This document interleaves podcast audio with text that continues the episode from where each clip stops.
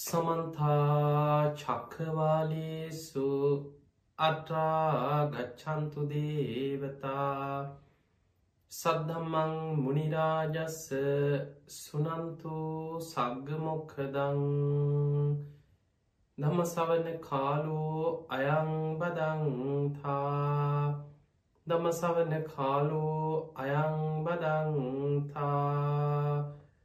දම සවන කාලෝ අයංබදංතා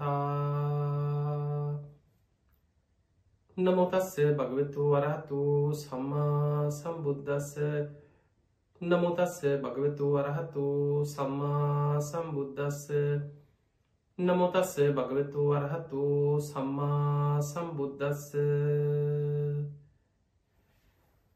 හැම දෙනාටම තෙරුවස්සන් ප්‍රාර්ථනා කරමින් අද ඔබ හැම දෙනෙක්ම කළමු ටෙලිවිෂන් මෙ සඳහම් විකාශය උතුම් දාය කත ධර්මාණු ශාසනාව ශ්‍රවණය කරන්න එකතු වෙච්ච පින්වත් පිරිසක්.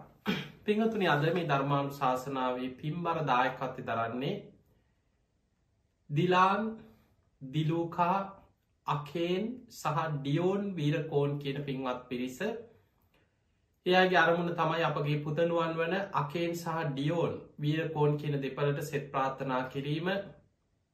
ඩියෝන් පුතනුවන්ට ඒ පුතනුවන්ගේ උච්චාරණය කිරීම යම් අප හැදිලිතාවයක් මේ පුංචි පුතනුවන්ට පවතිනවා. තින් ඒ තියෙන බාධකයන් දුරුවෙලා ඒ දරුවට යහපත්ව වචන උච්චාරණය කරමින් කතා කිරීම අපහසුතාවයන් දුරවෙලා හැකියාව සැලසේවා කෙනෙ උතුම ආශිරවාද ප්‍රාර්ථනාවෙන් දානයන් අතර උතුම්ම දානයක් වන ධර්ම දානමී පින්කම සිදු කරන්නේ. ඒවගේම ඒ පිංහතුන් සුජීවත්ව සිටන තමන්ගේ දෙමාපියන්ට දොස්තර රංජිත් සහ චන්ද්‍රාණි වීරකෝන් කියන දෙපලට ආශිර්වාද කිරීම මලානි වීරසිංහ ඇතුළු සියලු ඥාති හිතමිත්‍රාදීට සෙ ප්‍රාත්ථනා කිරීමත් මිය පරලව යන්නට ඉදනු එම් පියදාස මහතා මවින් ගුණසේකර මහතා ඇතුළු ඥාතීන්ට පින් අනුමෝදන් කිරීමත් මේ අවස්ථාවේ තරම කසනීපෙන් පසුවන ශාන්ත වීරකොන් මහතාට කාමන් මුණ සිංහ දියනියට නිදුක් නීරෝගේ සම්පත්තිය තුනුරුවන්ගේ ආශිර්වාදය ප්‍රාථනා කිරීම දේශකරන් වහන්සේ ආශිර්වාද කිරීම අරමුණ. තිය අරමුණේ තමයි මේ ධර්මදානමය පින්කන් සිදු කරන්නේ තිගේ හැම දෙනාටමත් ඔබ හැම දෙනාටමත් අද මේ ධර්මය ශ්‍රවණය කරන ලක්වාසී ලෝවාසී හැම දෙනාටමත් මේ උතුම් ධර්මදානමය පින ධර්මාබෝධය පිණිස නිවන්දොරටුවක් බවට පත්වේවා කිය අපි මුලින්ම ආශිර්වාද ප්‍රාර්ථනා කරනවා.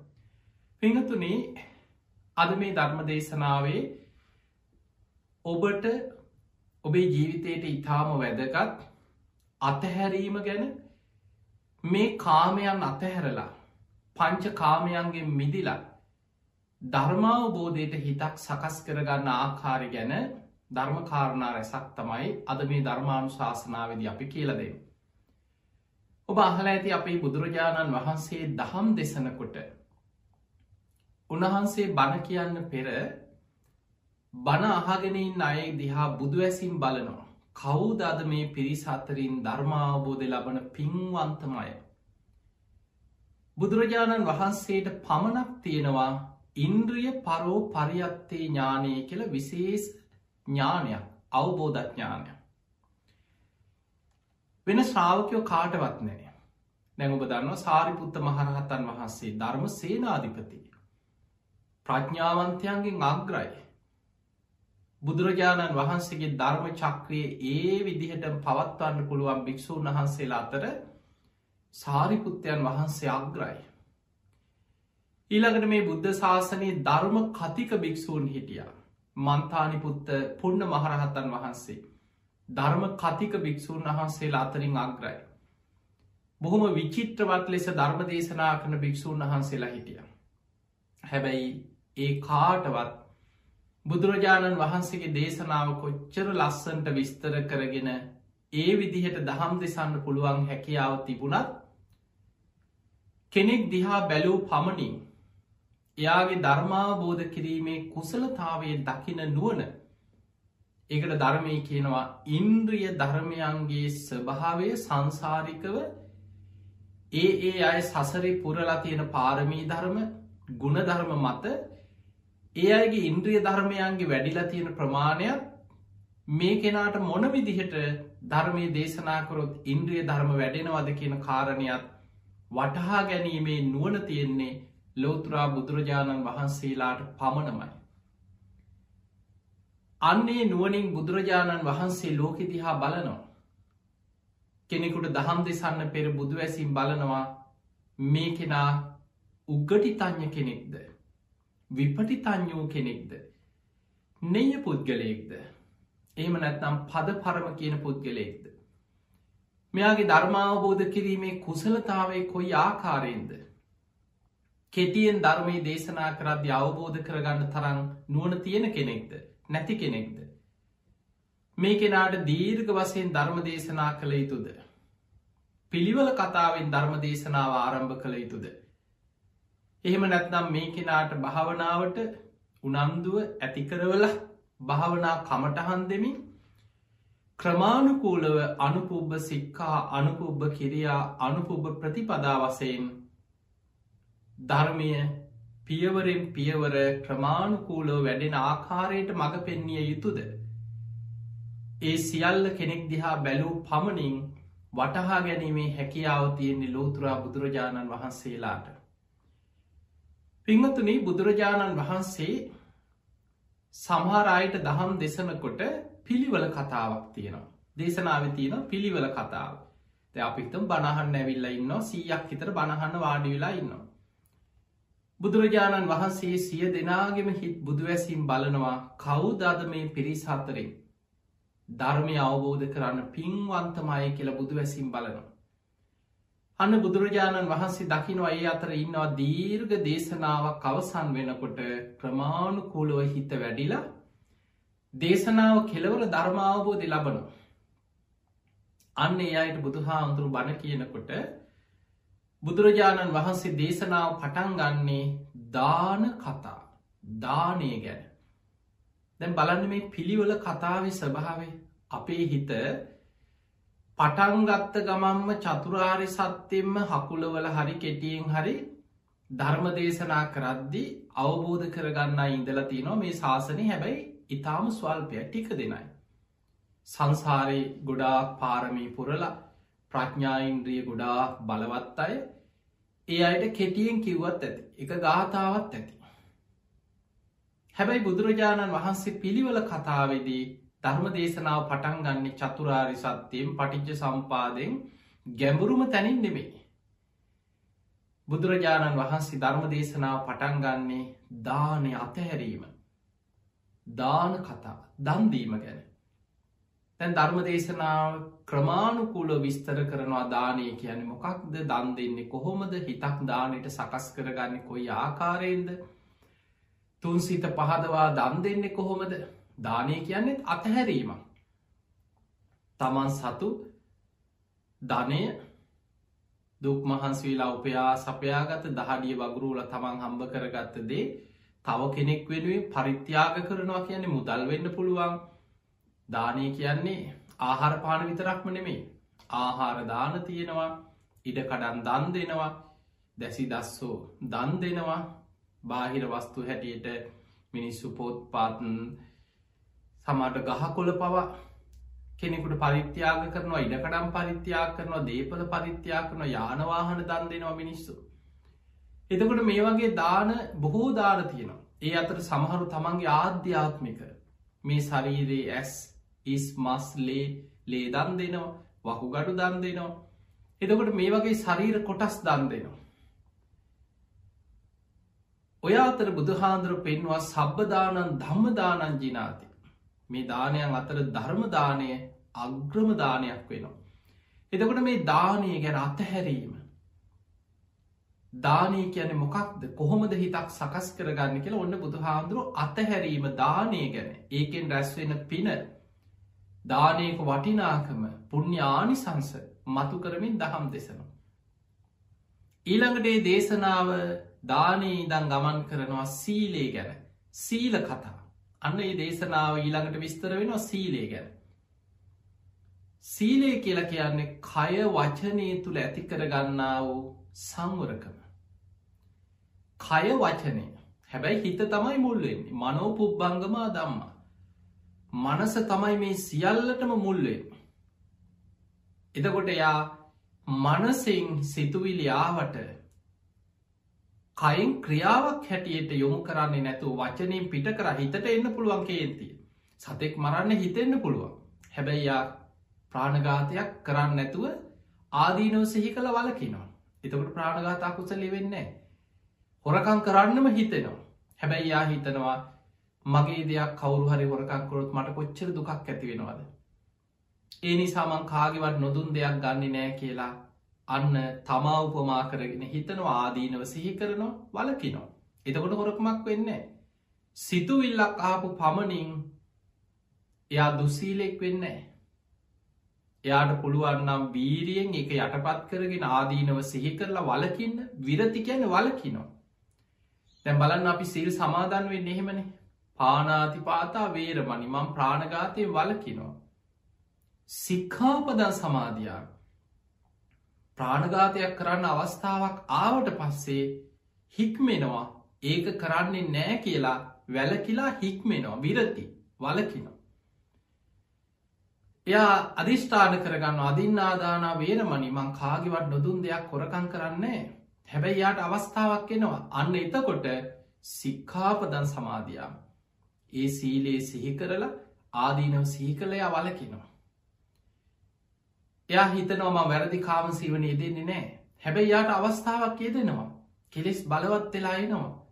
අන්නේ වෙලාවට යා වීරිය සිහිය නුවන යොදවලා ඒකෙන් වලකිනවා විරති. වලකිනවා. එය අධිෂ්ඨාන කරගන්න මම් බොරු කියන්නේ. තැන් අපි හිතම ගෙදර තනියම ඉන්න. කියන්න කෙනෙකුත්නෑ අහන්න කෙනෙකුත්නෑ තනියෙන්න්නං ඉන්නේ. තනී කියෝගයෝ ඉන්න පුළුවන්. හැබැයි යාට ඔන්න අවස්ථාවක් ේද නොදැන් කවරුවර යාලෝ ටිකක් ඇවිල්ල නෑදෑයෝ ටිකක් අහල පහල කෙනෙක් ඇල්ල දැ බොරු කියන්න අවස්ථාවක් එනවා. අන්න එතකොට හිතනවා නෑමං බොරු කියන්නේ මොකටද බොරු කියන්නේ? කවුරු හරි මාව බොරුවෙන් රවට්ටනවන මට කොච්චර දුකක් ඇති වෙනවද?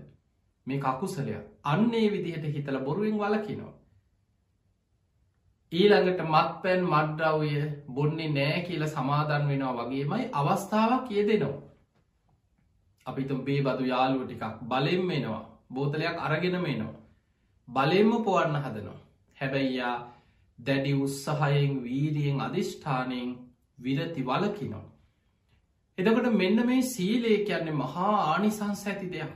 එතකොට බුදුරජාණන් වහන්සේ දාන කතා සීල කතා මේ සීලේ ගැන කය වචනය වචනෙන් වෙන අකුසල් බොරු කේලම් පරුස වචන හිස් වචන ඒවැන් වලකිනවා.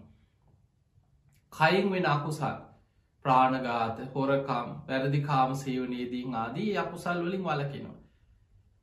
එතකොට මේවැ පිනක් රැස්වෙනවා මහා ආනි සංසතියනවා.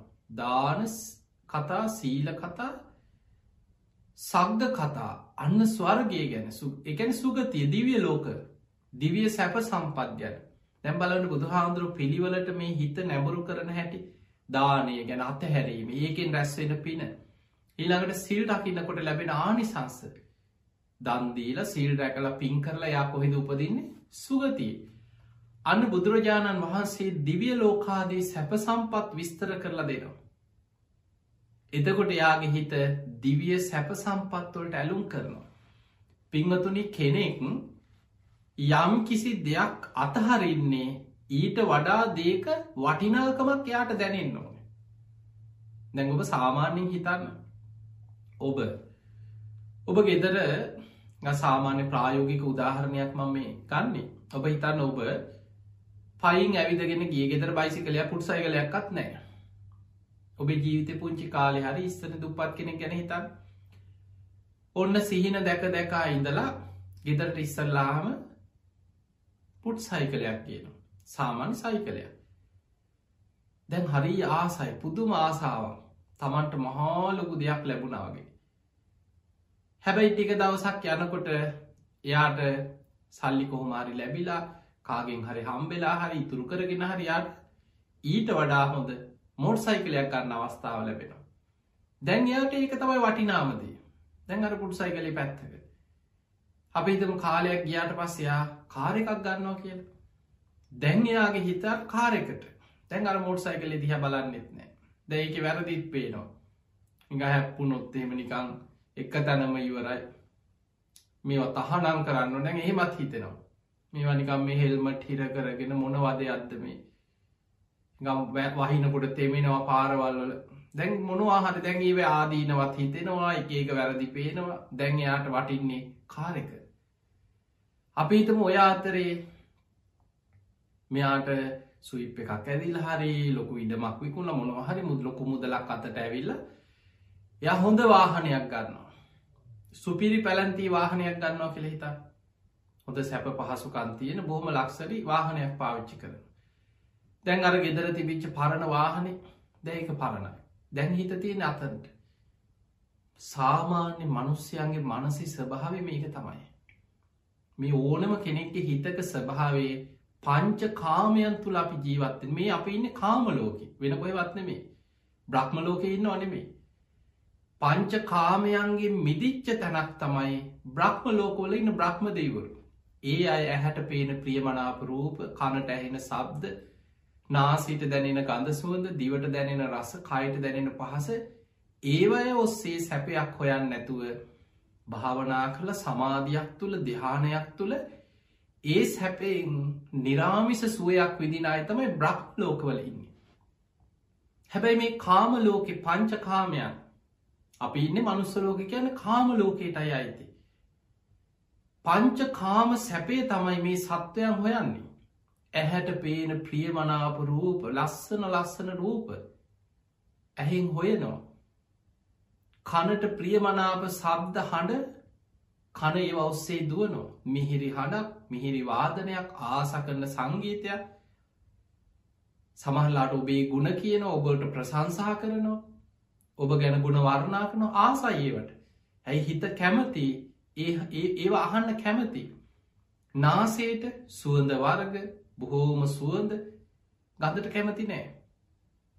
දිවට එකඒක රසයන් ලෝකෙ තියෙන සමහර වෙලාවට එයා දනවත්නං එයාට ඒ ඒ දනවත් භාවයක් එක්ක මේ පංච කාමයන් පිනවන්න ඔවුන් වියදං කරන දේවල්.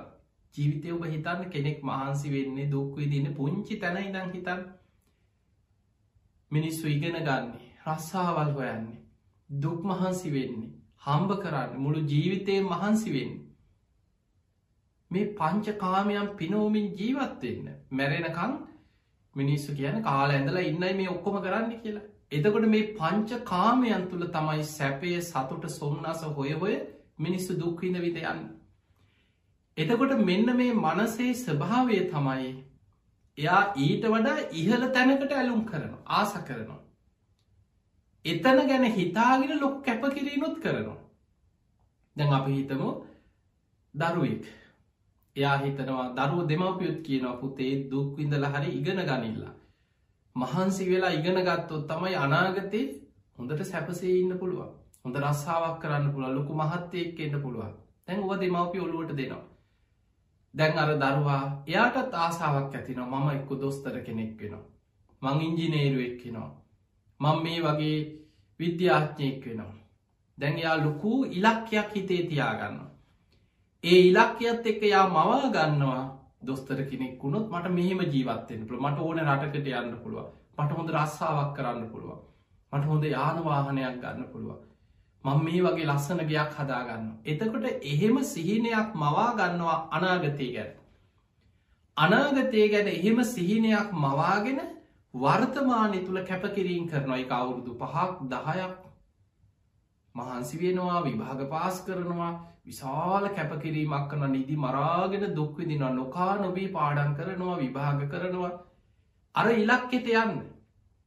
එතකොට ඒක තමයි සාමාන්‍ය මනසේ ස්වභාවේ තමන් ඉන්න තැනට වඩා අනාගතයේ සැපසහිත තැනක් ගැන හිතාගෙන මහන්සි වෙනවා දුක්විදිනවා කැපකිරීම් කරනවා. එතකොට එවැනි මනසක් බුදුරජාණන් වහන්සේ මේ ධර්මාවබෝධයට සකස් කරන හැටි මං ඔබට කියලදේ ඉස්සල්ලාම දානේ. ඒකෙන් ලැබෙන ආනිසංස. සීලය. සීරේ ලැබෙන ආනිසංස. ඊළඟට සග්ග කතා සුගතිය දිවිය ලෝක දිවිය සැප සම්පත් ගැන. දැවක තේරුම් ගන්න ඕන බුදු හාමුදුරුව කොහොමද කෙනෙක්ගේ මනස ක්‍රමාණු කූලව අරගෙනයන් දිවිය සැප සම්පත් ගැන කියනකොට එයාගේ හිත ආස කරනු අන්න එතන්ට. එයාට හිතනොම මනුස්ස ලෝක මොනවද මේ අපායක් වගේ? අපි කොච්චර දුකක්ද විදින්නේ හම්බෝ දිවිය ලෝකොල ගොඩාක් සැප සම්පත් තියෙනවල් දේශනාවල සඳහන් වෙනවා මේ මනුස්ස ලෝකයේ මහා ඉහල සැප සම්පත් විඳින සක්විති රජෙක් විදින සැප සම්පත් ගත්තත් ඊට වඩා දිවිය ලෝකෝල දෙවිවරු සැප සම්පත් විඳිනවා. එතකොට මේ දිවිය සැප ගැන විස්තර කරනකොට අන්න යාට ආසහිතෙනවා මමත් දන්දීල මමත් සිල් රැකල මමත් සුගතිය උපදිනවා. සුගති සහිත සැප සම්පත්තල උපදිනවා කියලා ඒකට ඇලුම් කරනවා. එතකොට බලන්න මේ ජීවිතයේ දන්දීල සිල් රැකල සුගතියන්න හිත අන්න හිත එතන පිහිටනවා. කැපකිරීමක් කරලා මම මෙතන්ට යන. අන්න බුදුරජාණන් වහන්සේ ඒ ලෝකවල තියෙන සැප සම්පත් ගැන විස්තර කර කර සුගති සහිත ලෝක දිවිය ලෝක ගැන දේශනා කරා වගේම ඊළඟට බුදුරජාණන් වහන්සේයාගේ මනස කාමානං ආදීනවා. මේ පංච කාමයන්ගේ ආදීනව පැත්තත් මතු කරමින් දහම් දෙසනවා.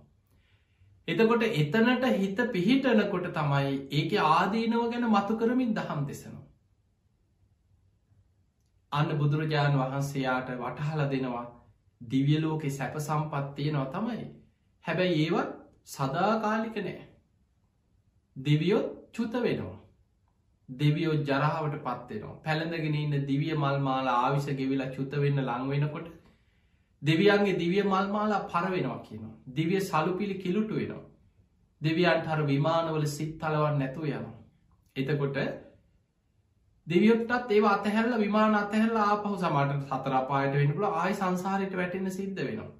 එතකොට අර කැපකිරීමක් කරලා දන්දීලා සිල් රැකල මම සුගතිය උපදිනවා මට එතන හොඳයි කියලා හිතපු කෙනාට අන්න දැ මැටහෙනවා එතනත් සැපක් තිබුණට ඒක සදාකාලික නෑ එතනත් තියෙන්නේ අනිත්‍යයි. ඒ සැප අහිමිවීම දුකයි. ඒක මම මගේ කියලා මටෝන විදිහට ඒ සැප සම්පත් පරිහරණය කරන්න බෑ අනාත්මයි. එන දිවිය සැප සම්පත් පවා අනිත්‍යයි දුකයි අනාත්මයි. අන්න බුදුරජාණන් වහන්සේ දැන්යාගේ මනසට නයිස්ක්‍රම්ය ආනිසංස මතු කරමින් දහම් දෙසනවා. ඇ බලන්න දාන කතා සීල කතා සග්ග කතා සුගතිය ගැන ඊළඟට කාමානං ආදීනවා ඊළඟට නයිස් ක්‍රමය ආනිසංස. පංච කාමයන් අතහැරීම තුළ ලැබෙන අනුසස් මේ කාමයන් අතහැරපු කෙනෙකුට ලැබෙන ආනිසංස විස්තර කර කර දහම් දෙසනවා. අන්න එතකොට යාගේ හිත කාමයන්ගේ මිදිච්ච සාන්ත වූ තැනකට හිත එහෙම තැනක් තියෙනවනම් කොච්චර දෙයක්ද කියලා හිත නැබුරු වෙනවා. අන්න එතරදි නිවනට හිත නැබුරුවෙන බුදුරජාණන් වහන්සේ මේ පිළිවල කතාව කරද්දී බුදුවැසිම් බලනවා දැම්මයාගේ හිත ධර්මාවබෝධයට සකස් වෙලාද. දැම්මයාගේ හිත නිවන්න අවබෝධයට නැබුරු වෙලාද. ධර්මාවබෝධයට සකස් වෙච්ච මනසක්ද දැන් හොට තියෙන්. එහෙම බලලා චතුරාරි සත්‍ය ඇතුළත් දීර්ග දේශනයක් වන චත් සාමුක්කන්සික දේශනාව කරනවා. එක බුදු කෙනෙක් පමණක් කරන දේශනාව. චතුරාරි සත්‍ය ඇතුළත් දීර්ඝ දේශනයක් සාමුක්කන්සික දේශනාව කරනවා. ඒ දේශනාව කෙලවර ක්‍රමාණුකූලෝයාගේ හිත චතුරාරි සත්‍ය අවබෝධයට නැඹුරු වෙනවා හිත තුළ ධර්මාවබෝධයට අවශ්‍ය සීල සමාධි ප්‍රඥා වැඩිලා දේශනාව කෙලවර එක්කො සෝවාන් වෙනවා එක්කො සකදාගාම වෙනවා එක්කො අනාගාමෙනෙක්කො රහත් වෙනවා. ධර්මාවබෝධය ලබනවා. පිංහතුනේ මේ කාමයන්ට බැඳිච්ච හිත කෙනෙකුට ධර්මාවබෝධයට යොමු කරන්න නං ඊට වඩා වටිනා දෙයක් කෙනෙකුට පෙන්න්න ඕන. මං ඔබට හොඳ උදාහරණයක් කියන්න. මේ උදාහරණය ඔබම ගලපගෙන හිතන්න එවැනි මට්ටමක මනසක් කොහොමද කෙනෙක් ධර්මාවබෝධයට හරවන්න. දැම් බලන්න නන්ද කුමාරය ගැන ඔබහල ඇති. නන්ද කුමාරය කියන්නේ මහා ප්‍රජාපති ගෝතමියකි පුතනුවන් අපේ බෝසතාණන් වහන්සේ ඉපදෙන ඒ සම වයසේම ඉපදිච්චාය එදා පින්වන්ත මහාමායා දේවයේ බෝසත් පුතා මවකුසින් බිහිවෙලා දින හතකින් කලුරිය කරා. මහා ප්‍රජාපති ගෝතමිය තමන්ගේ පුතා නන්ද කුමාරයක් කිරි මව්වරුන්ට දීලා තමන්ගේ ලේටික කිරි කරලා බෝසතාණන් වහන්සේට පෙව්වා කියනවා. එදකොට ඒ විදිහට අපේ බුදුරජාණන් වහන්සේගේ ගිහි කල තමන්ගේ මෑනියන් කලුරිය කරාට පස්සේ සුළු මව වූ මහා ප්‍රජාපති ගෝතමිය තමයි උන්වහන්සේට තමන්ගේ ලේටික කිරි කරලා දීල හදා වඩා ගත්ත. අපේ බුදුරජාණන් වහන්සේ උන්වහන්සේ මහා අභිනිස්ක්‍රමණය කරාට පස්සේ දැන් සුද්දෝදන් රජතුමා බලාපොරොත්තුවෙන් හිටියේ සක්විති රජ කෙනෙක් වෙනවා දකින්න අපේ බෝසතාණන් වහන්සේ සිද්ධාර්ථ කුමාරය තමන්ගේ පුතා හැබැයි උන්වහන්සේ වසර විසි නමේදී. ක්‍රම්මේ සුරම්මය සුභ මාලිගාමේ සියල් අතහැරලා මහා බිනිස්ක්‍රමණය කරා මේ සියල් අතහැරලා ගිය විමුක්තියක් පිණිස. අවුරුදු හයකට ආසන්න කාලයක් දුස්කරක්‍රියා කරා. වෙසක් පුන් පොහෝ දවසේ වජිරාසනය මත රාත්‍රී පලවෙනියාමි පුබ්බේ නිවාසානුස්සති ඥානේ රාත්‍රී දෙවනියාමි චුතුපාතඥානි. රාත්‍රී තුන්වෙනි යාම පටිච්ච සමුපාදය අනුලෝම ප්‍රතිලෝම වසයෙන් විමසලා අවසන් වෙද්දී. හිමිදිරි උදෑසන අරුණෝදයක් සමග හිත කෙලෙසුන්ගේ මිදිලා සම්මා සම්බුද්ධත්වයට පත් වුණ. පිංහතුනි අපේ බුදුරජාණන් වහන්සේ බුදුවෙලා අවුරුද්ධකට පස්සේ තමයි කපිල වස්තුපුරයට සාක්‍ය ජනපදයට තමන්ගේ ඥාතීන්ගේ ආරාධනාව පිළිගෙන වැඩම කරන්න. ඔබහල ඇති බුදුරජාණන් වහන්සේ වේළුවනේ වැඩඉන්නවා කියලා සුද්දෝදන රජතුමාට ආරංචි වුණාට පස්සේ පණවිඩ කරුවන් ගණනාවක් පිටත් කරා. නම වතාව අමාත්‍යවරු දාහ එක අමාත්‍යවරයෙක් එක්ක දාහක සේනාවක් ගිය. ඒ ගිය හැමෝම බණහල පැවිතිවෙන. ඊට පසේ තවත් අමාත්‍යවරයකුට පවරනවා. දාහක පිරිසක් එක්ක ගිහිල්ලා ඒකෙනත් බණහල පැවිදිවෙලා රහත් වෙන ගිය කාරණය ඉෂ්ට වෙන්න. ඔය විදියට කණ්ඩායන් අටක් ගියාට පස්සේ අන්තිම වතාව සුද්දෝදන රජතුමා තමන්ගේ සියලු කාරයන් බහර ඇමති. අග්‍රාමාත්‍යවරය තමන්ගේ රාජ්‍ය කාලුදාය අමාත්‍යවරයට කියනවනේ මගේ හුස්මටි කියන්න කලින් මන්දැ වයසයි. මට බුදුරජාණන් වහන්සේව දකින්න ඕනෑ මං මේ යන්න කලින් අනේ ඔබ මගේ ඉල්ලීම ඉෂ්ට කරන්න කාලුදාය අමාත්‍යවරය තමයි ඒ ඉල්ලීම ඉෂ්ට කරේ. බුදුරජාණන් වහන්සේට ආරාධනා කරා ආරාධනය පිළිගත්තා. ඔබ මේ කතාව දන්න අපේ බුදුරජාණන් වහන්සේ කපිල වස්තුපුරයට සාක්‍ය ජනපදයට මේ වැඩම කරන සිදුවීම. එතකොට මේ සිදුවීමේදී ඒ වෙනුවෙන්ම නීග්‍රෝධ කියන සාක්‍ය කුමාරයට අයිති ඉඩම අරගෙන සාක්‍ය කෝලිය වන්සිකයන් අංග සම්පූර්ණ හරීම ලස්සන ආරාමයක් හැදුව නීග්‍රෝධාරාමි බුදු හාමුදුරුව වෙන්වේ. තැම් බුදුරජාණන් වහන්සේ වැඩම කරා සාක්‍ය ජනපදයට කපිල වස්තුපුරේට. ඒ වැඩම කරලා එදා සාක්‍ය වන්සිකයන්ගේ මානි දුරු කරන්න යමා මහ පෙළහර පෑව කිලෝ බහල තියෙනවා. තුන්වෙනි දවස සිදුවෙච්ච සිදුවීම තමයි මං මේ ඔබට කියන්න සූදානන් වෙන්න. බුදු හාමුදුරුව කපිල වස්තුපුරයට වැඩම කළ තුන්වෙනි දවසේ. එදා නන්ද කුමාරයට දැඟර මහා ප්‍රජාපති ගෝතමයක අනිත් පුතනුවන්. නන්ද කුමාරයට තමයි රාජ්‍යත්ති දැන් උරුම වෙන්න සුද්දෝදන රජතුමා දැ වයසයි. සුද්දෝදන රජ්ජුරුවෝ තමන්ගේ රාජ්‍යත්තය පවරනවා නන්ද කුමාරයාව අභිෂේක ගන්නනවා. ඒත් එක්කම අලුත් ලස්සන මාලිගාවකුත් හැදුව. නන්ද කුමාරයට ලස්සන මාලිගාවක් හදලා තියෙනවා. පරණු මාලිගාවනම අලුත්ම විදිහ මාලිගාව. ඒත් වගේම එදාම තවත් විශේෂ කටයුත්තක් තියෙනවා. ඒ නගරම ඉන්න ලස්සනම නැටුම් ගැයුම් වාදන දන්න දක්ෂම කාන්තාව. හරීම ලස්සන කෙනෙක්. ඒ තමයි ජනපද කල්්‍යයානි මේ ජනපද කල්්‍යයාන ගැන බොහෝ විස්තර සඳහන් වන ජනපද කල්්‍යයාන මේ නගරම ඉන්න බොහොම ලස්සනම කෙනා. නන්ද කුමාරයට විවාහ වෙනවා. දෙන්න කාලයක් ආදරෙන් ඉදල පෙම්වතුන් හැටියට විවාහ වෙන දවස. දැන් ඔබ සාමාන්‍යෙන් ඔබ හිතන්න එවැනි මොහොතක නන්ද කුමාරයාගේ මනසේ ස්භාවේ රජකම ගැන රාජ කුමාරයෙකුට බුදු හාදුරු දේශනා කරනවා එක තැනකදී රාජ කුමාරයේ කැමවෙලේම හිතන්නේ මං කවද්ද රජ වෙන්නේ? අනේ මං කවද්ද රජ වෙන්නේ? තමන් රාජ අභිෂේක ලබන්නේ කවද්ද කියලා දින ගැන ගැන පෙරු පුරාගනන්නේ රාජ කුමාරය එතකොට නන්ද කුමාරයට රාජ අභිෂේක ලැබෙනවා රාජ්‍යත්ති ලැබෙන දවස. ඒ වගේම අලුතෙන් හදපු මාලිගාවකට ලස්සන මාලිගාවකට ගෙවිදිනවා විවාහ වෙලා. දැම් විවාහ උත්සවයට ඔක්කොම සූද හිතන් රජ්ජුරුවන්ගේ සුද්දෝදන රජතුමාගේ මේ රාජ්‍යයේ ඊළඟ උරුමක්කාරය. විවාහ වෙන දවසේ අභිෂේක ගන්නන දවසේ නගර කොච්චර ලස්සන්ට සරසල තියෙන් නැද කියලා. මුළු නගරම සරසලා. උත්සවස්ශ්‍රීයෙන් ඔක්කොම සූදානන් කරලා. දැන් එදා විවාහ වෙන දවසේ කොච්චර වැඩ තියෙනවද? සාමාන්‍ය විවාහ උත්සවයක් ඔබ නිකං හිතන්නක. බුදු හාමුදුරුවන්ග ඔන්න උදේවා පාන්දරින්ම අර අලුත් මාලිගාවට වඩම්මලා දානය පූජා කරන්න ආරාධනා කරා. දැන් කටයුතු තුනක්. මාලිගාවකට ගෙවිදිනවා. විවාහ වෙනවා අභිෂේක මංගල්ලයක් තියෙනවා දවල් වරුවේදිලා මේ ඔක්කොම එක දවසෙන එදකොට උදේ බුද්ධ ප්‍රමුඛ මහා සංඝයාට දානකට ආරාධනා කරා දැන් දානෙකුත් දීලා පුුණ්්‍ය කටයුතුත් කරලා උත්සවශ්‍රියම මේ විවාහය යොක්කොම කරා. බුදුරජාණන් වහන්සේ සංඝයා සමඟ දානයට වැඩම කරා.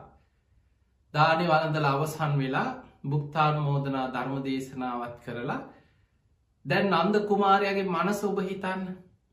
විවාහ වෙන දවසක මේ ඔක්කොම අභිෂයක ඔක්කොමත් එක්ක ඔළුව කොච්චරනං අර පංච කාමයන් එක්ක දැකර ටික හරිද දන්න දැ මේ ටික සූදානද දන්න දැ මේ අයි මේ මල්ටික හදලද දන්න ඕවන ඔළුව තියෙන්නේ.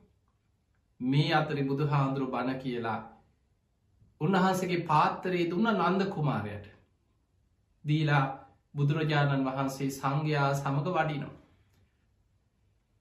ඒ එනකොට දැන් කරගන්න දෙයකුත් නෑ බුදු හාදුරන්ට තියෙන ගෞරවෙත් එක්ක දැම් විවාහෙට ඔක්කොම සූදානන් වෙලා ඉන්න අතරේ දැන් දහවල් මේ අභිෂේක මංගල්ලයයි ඔක්කොම අතරේ බුදු හාමුදුරු ආරාමිට වඩිනු අදානය වලඳලා බුදුරජාණන් වහන්සේක පස්සෙන් දැන් ටික දුරක් ගිහිල පාත්තරය ගන්න ඇත. එහෙම හිතුණා. දැ මේක තියන්නත් බෑ වෙන කෙනෙකුට පවරන්නත් බෑ. බුදු හාන්දුරුව ගැන තියෙන ගෞරවේ කමක් නෑතින් උන්හසේ මගදි හරි ආරාම පේනමානෙ දිහරි මගේ පාත්‍රය ඉල්ලයිනේ. වැඩත් තියෙනවා. දැන් ඔහොම තමයි ගිය. මෙහෙම යනකොට ජනපද කල්්‍යයානිගේ නිවස ළඟින් තමයි යන්න. දැන් හිතන්න ජනපද කල්්‍යයාන විවාහයකට සූදානං වෙනවා. විවාහයකට සූදානං වෙන මේ සාමාන්‍ය විවාහයක් නෙමේ රාජකීය විවාහයක්. රජ්ජුරුවන්ගේ ඊළඟ අභිෂේක ලබන රාජ කුමාරය අභිෂේක ලබන දවස සිද්ධ වෙන විවාහය. කාන්තාවෝ රාජකිය පිරිස් සියලු දෙනා දැන් අන්දනවා සූදානන් කරනවා. අද නිකං ඔබ හිතන්නකොය මේ අතරතුර ඔන්න කෙනෙක් කිව උඩු මහලිතන් දැකලා අන්නුබේ කුමාරය අන්න අද විවාහවෙන්න ඉන්න කුමාරය බුදුහාන්දුරොත් එක්ක අන්න ආරාමි පැත්තට යන දකට මාලිකාව අර උඩින් බැලුව බලනකොට බුදුහාන්දුරු වඩිනවා සංඝයා සමඟ මෙන්න නන්ද කුමාරයත් පාත්තරය අරගෙන යනවා. දැන් අර තමන්ගේ පෙම්වතියෙන් විවාහ වෙන්න ඉන්න කෙනාන. ඒ දිහා කොහොමත් හැරිල බැලවෙනවනේ.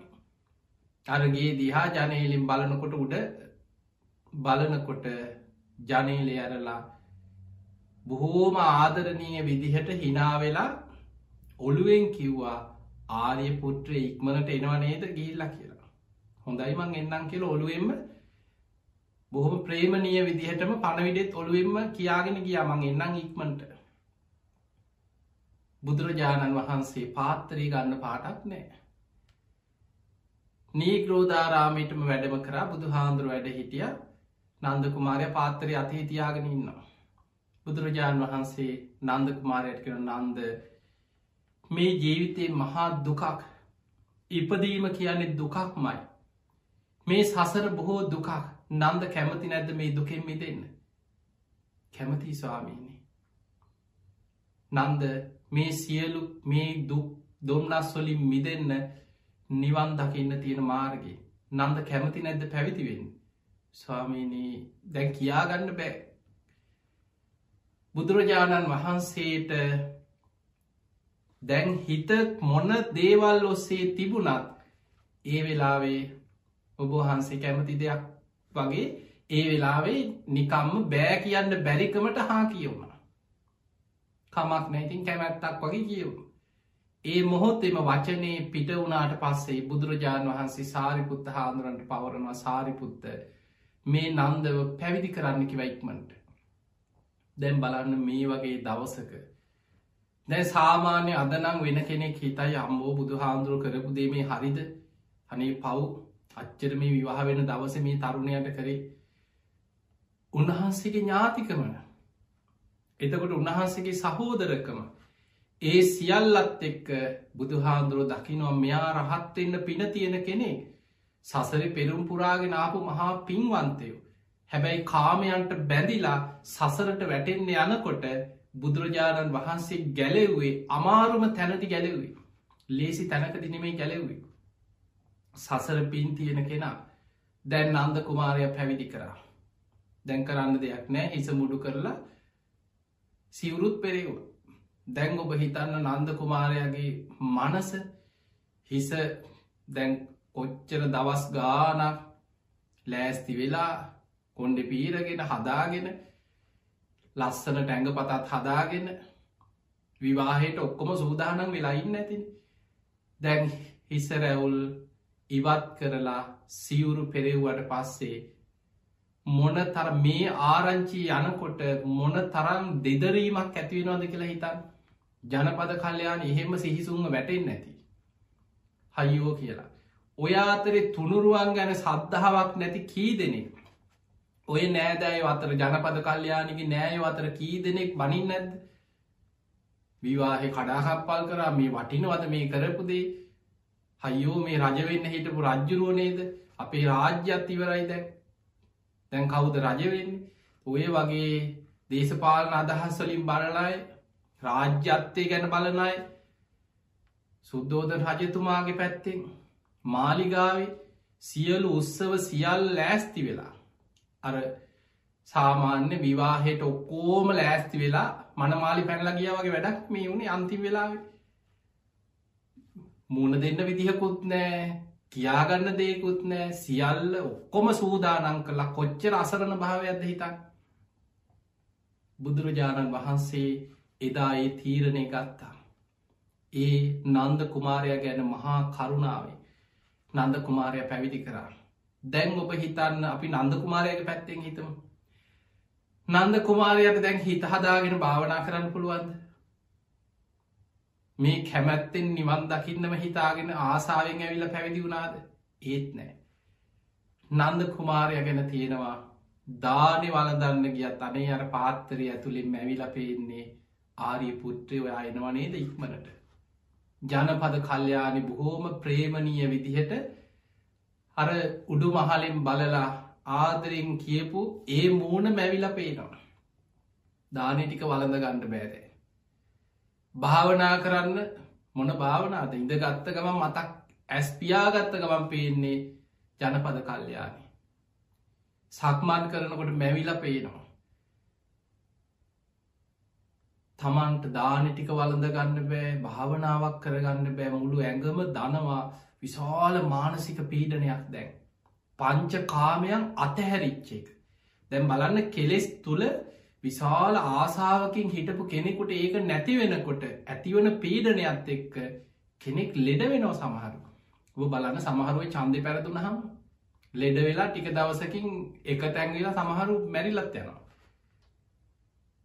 එදකොට තමන්ගේ එක්කො සමහර දේශපාලක විතරක් නෙමේ ලොකු ව්‍යාපාරකයක් ගැන හිතන් ව්‍යාපාර කඩාගෙන වැටෙන සමට එක්ක රයින් කඩාගෙන වැටෙනවා නාය වෙලා සමහරලාවට ආර්ථික කඩා වැටීම එක නොසිතන විදියට. එමිනිස්සු ලෙඩ වෙනවා සම්පූර්ණය මනසිෙන් වැටෙනවා මානසික රෝගීන් වෙනවා දුරාචාරයට වැටෙනවා.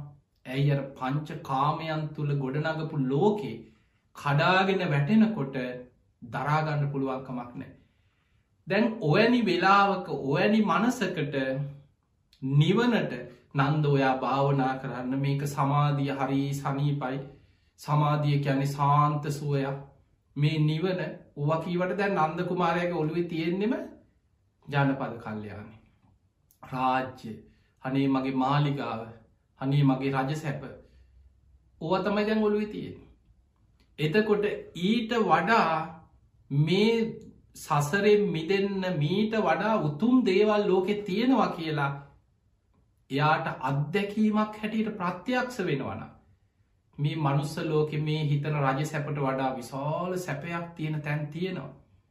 මේ ජනපද කල්්‍යයානිට වඩා ලස්සන දෙවියන් දෙවියාංගනාවන් දිවිය සැප සම්පත් මේවා ලෝකෙ ලබන්න පුළුවන් ක්‍රමයක් තියෙනවා. ඕක නිකම් වචනෙන් කීවට වැඩක් නෑ අන්න බුදුරජාණන් වහන්සේ නන්ද කුමාරයාගේ මනස ඊට වඩා වටිනාම දෙයක් පෙන්නවා මේක හිතෙන් ඉවත් කරවන්න. බුදුරජාණන් වහන්සේ කොච්චර උපක්‍රමසීලී.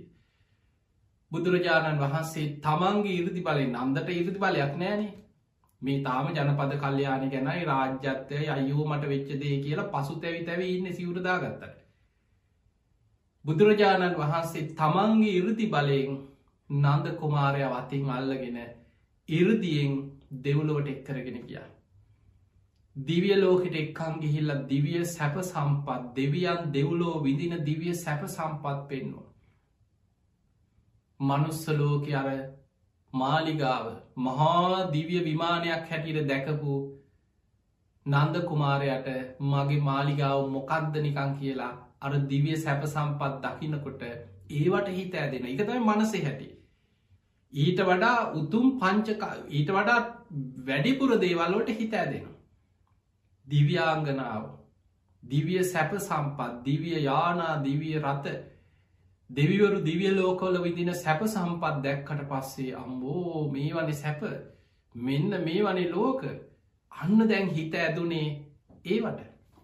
බලන්න හිතේ ස්වභාවේ බුදුරජාණන් වහන්සේ ආනුව නන්ද ඔබ හිතාගෙන හිටපු මේ මනුස්ස ලෝක මේ සැප සම්පත්වලට එක්ක බලනකොට තැන් ඔබට මොකද හිතෙන්නේ කියලැහෝ අනේ ස්වාමීනී මේ සැප සම්පත්නම් බුදුරජාණන් වහන්සේ ඒ වෙලාවේ ඔය අටුවාවල සමහර තැන්වල සඳහන් වෙනවා ජනපද කල්්‍යයානය දිව්‍යාංගනාවන් එක්ක සසඳලා නන්ද කුමාරයට හිතුන කියනවා ජනපද කල්්‍යයානි මේ දිව්‍යාංගනාවන්ගේ ලස්සන දිහා බලනකොට නිකම් වැදිරියෙක් වගේනි කියල. එතකොට එවැනි අර කෙනෙක් ගලපනවා. අයෝ මට මේ මංගාවතියනව මොනවද? මේ මේ වනේ අන්න එහෙම හිතෙනවා.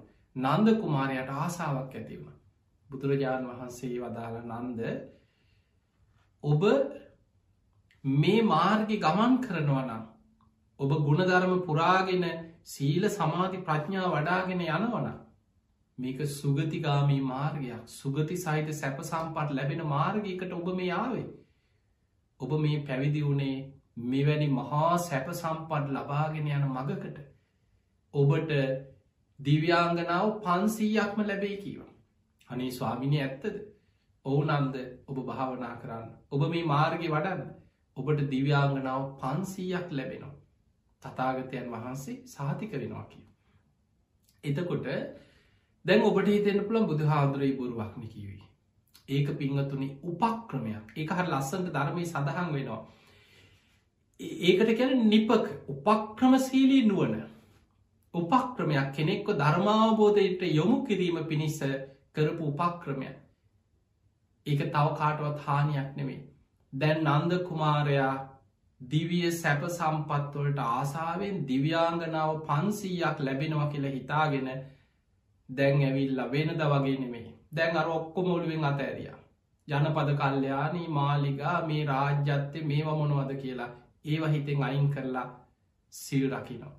දැන් ආසාාවෙන් සිල් රකින පුද්දුම වීරියෙන් සිල් රකිනවා. භාවනා කරනවා. තට වීරිය වඩනවා. නන්ද කුමාරයා සති සම්පජන්නේ වඩපු හැටි ධර්මය සඳහන් වෙනවා. බුදුහාදුරු දේශනා කන මහනෙනින් නන්ද උතුරු දිසාාව බලන්නේ පුදුමාකාර සති සම්පජන්නේ. මේ උතුරු දිසාාව බැලීම මුල් කරගෙන ලාම කකුසලයක් නම් මගේ හිතට ඇතුළ නොවේවා කියලා දැඩි අධිෂ්ඨානයෙන් හිත රැකගන්නවා කියෙන කෙලෙස්වලින්. මේ නන්ද උතුරු අනු දිසාාව බලන්නේ උතුරු අනු දිසාාව බැලීම මුල් කරගෙන ලාම කකුසලයක් නම් මගේ හිතට ඇතුල් නොවේවා කියල උතුරු අනු දිසා බලන. වටපිට බලන්නේ උඩයට බලන්නේ නන්ද පුද්දුම සති සම්පජානයන්ගේ. මේ නන්ද දැන් ඔහොම නන්ද කුමාරය භාවනා කරනකොට සමාර භික්‍ෂූන් වහන්සේලා මාර්ග පල්ලපු අයනෙමෙයි අනිත් හාමුදුරුවරු නන්ද කුමාරයට විහිළු තහලු කරන්න ගත්තා. ආ මෙයා දැන් භාවනා කරනවා ඔන්න බුදු හාමුදුරුව පොරොන්දු වෙලාන්න මේ දිව්‍යාංගනාව පන්සීයක් දෙනවා කියලමයාට අන්න නන්ද මේ දිව්‍යාංගනාව බලාගෙන්නේ භාවනා කරන්න නන්ද පැවිදි වෙලා ඉන්න දිව්‍යාංගනාව පන්සීයකටනේ. දැන් ඔය වගේ කට්ටිය විහිළු කරන. නන්ද කුමාරය පුද්දුම වීරියෙන් භාවනා කරයි කිසිවක් ගණන් නොගෙන.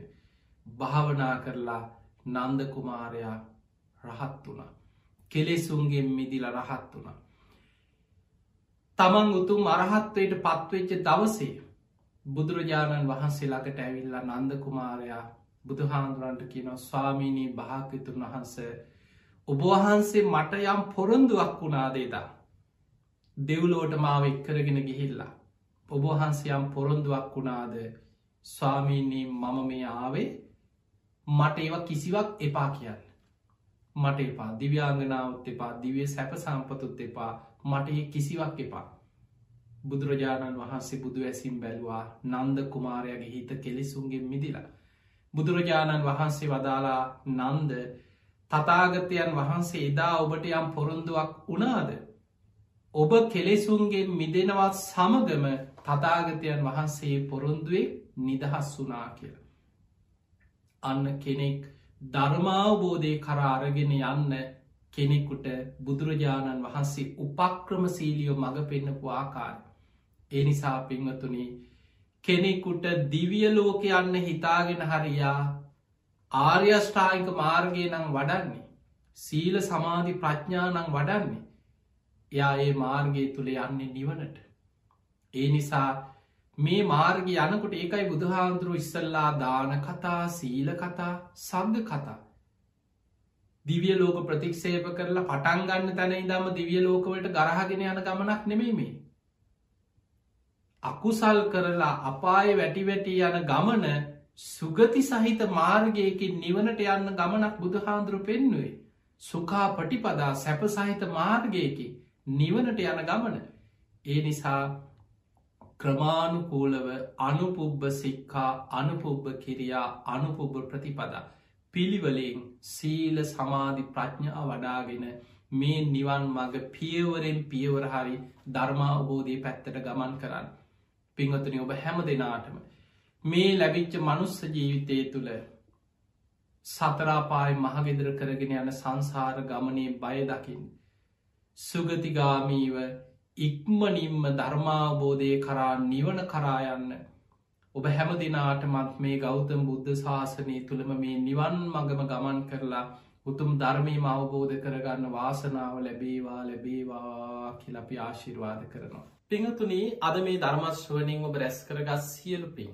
සියලු දෙවියෝ සාධකාරතිදී මේ පින් අනුමෝදන් වෙත්වා. ඒ දෙවියන්ගේ පිහිට රැකවර නාශිර්වාදය ඔබ හැම දෙනාටම ලැබේවා ලැබේවා කියල අපි ආශිර්වාද කරනවා. ඒවගේ මද ධර්මානු ශාසනාවේ පින්බර දායකත්ති ධරණ පිංහතුන්ගේ අරමුණු තමයි දිලාන් දිලෝකා අකේන් සහ ඩියෝන් වීරකෝන් කෙනෙ හැම දෙනාටම තුළුරුවන්ගේ ආශිර්වාද නිදුක් නිරෝගී සම්පත්තිය සෙත් ප්‍රාථනා කිරීම අරමුණ. ඒවගේ පුතනුවන් දෙපළවන අකේන් සහ ඩියෝන් වීරකෝන් කෙන දෙපලට සියලු දෙවියන්ගේ පිහිට රැකවන්න තුළුරුවන්ගේ ආශිර්වාදයම සැලසේවා කෙන ආශිර්වාදයක් ඒ වගේම යම් කිසි වචන උච්චාරණය කිරීමේ අපහසුතාවයකින් පසුවෙන ඩියෝන් පුතනුවන්ට කතා කිරීමේ අපහසුතාවේ නැතිවෙලා සියලු දෙවියන්ගේ පිහිටෙන් තුනුරුවන්ගේ ආශිර්වාදය මේ කරන පුුණ්්‍ය බලය විශේෂෙන් ධර්මදානමය පින් බලයෙන් ඒ දරුවන්ට වචන උච්චාරණය කිරීමේ හැකියාව කතා බහ කිරීමේ හැකියාව සැරසේවා කෙනුතු මාශිර්වාදය දායකත්ය දන්න පිංහතුන්ගේ අරමුණක්. සුජීවත්ව සින්න දෙමාපියන් වන දොස්තර රංජිත් සහ චන්ද්‍රාණ වීරකෝන් කියන පින්වත් පිරිසට මලාන වීරසිංහ ඇතුළු සියලුම ඥාත හිතමිටාදී හැම දෙනාට නිදුක් නිරෝගී සම්පත්තිය තුනුරුවන්ගේ ආශිර්වාදය සැලසේවා කියෙන අරමුණත් මිය පරලෝ යන්නට එදනු එම් පියදාස මහතා මවින් ගුණසේකර මහතා ඇතුළු සංසාරගත ඥාතීට පින්දී මරමුණ. ඒමනම් ඔබ නමිනුත් මියගේ ඥාතීන් සීපත් කරගන්නේ මියගේ සංසාරගත ඥාතී මේ පින් අනුමෝදන් වෙත්වා. එයගේ පරලොව ජීවිත සැපුවත් ඒවා සුවපත්තේවා සංසාර දුකින් අතමිදේවා කියල සාදු කියල පින් දෙෙන තරම කසනීප තත්වයෙන් පසුවන ශාන්ත වීරකෝන් මහත්මාට කාමන් මුණ සිංහ දියණී ඇතුළු ඒ හැම දෙනාම. නිදුක් නීරෝගේ සම්පත්තිය තුනුරුවන්ගේ ආශිර්වාදය සුවපත් භාවය දීර්ගාවිෂ සැලසේවා කෙන ආශිර්වාදයක් ධර්මදේශකයණන් වහන්සේ හැටියට අපට ආශිර්වාද කිරීමත් පිංහතුන්ගේ අරමුණ. තින් එහෙමනම් බණ ඇසූ හැම දෙනාමත් ලක්වාසි ලෝවාසි හැම දෙනාමත් කළඹ ටෙලිවිෂන් මේ සඳහම් විකාශී සියලු දෙනාමත් නිදුක් වේවා නිරෝගි වේවා සුවපත්තේවා ඔබ හැම දෙනාට මුතුම් ධර්මාවබෝධය පිණිස මේ පිනාශිර්වාදයක් පාරමිතාවක්ම වේවා වේවා කියලපි ආශිර්වාද කරනවා. ආකා සට්ඨාච බුම්මට්ඨා දේවානාගා මහිද්දිකා පුഞ්ඥන්තන් අනුමෝදිත්වා චිරන්රක් කන්තු ලෝක ශාසනං ආකා සට්ඨාච බුම්මට්ඨා දේවානාගා මහිද්දිකා පුഞ්ඥන්තන් අනුමෝදිත්වා චිරන්රක් කන්තු දේශනං ආකාසට්ඨාච බුම්මට්ඨා දේවානාගා මහිද්දිකා පුഞ්ඥන්තන් අනුමෝදිත්වා චිරන්රක්කන්තුතුවං සදා හැම දෙනාටම සම්මා සම්බුදුසන්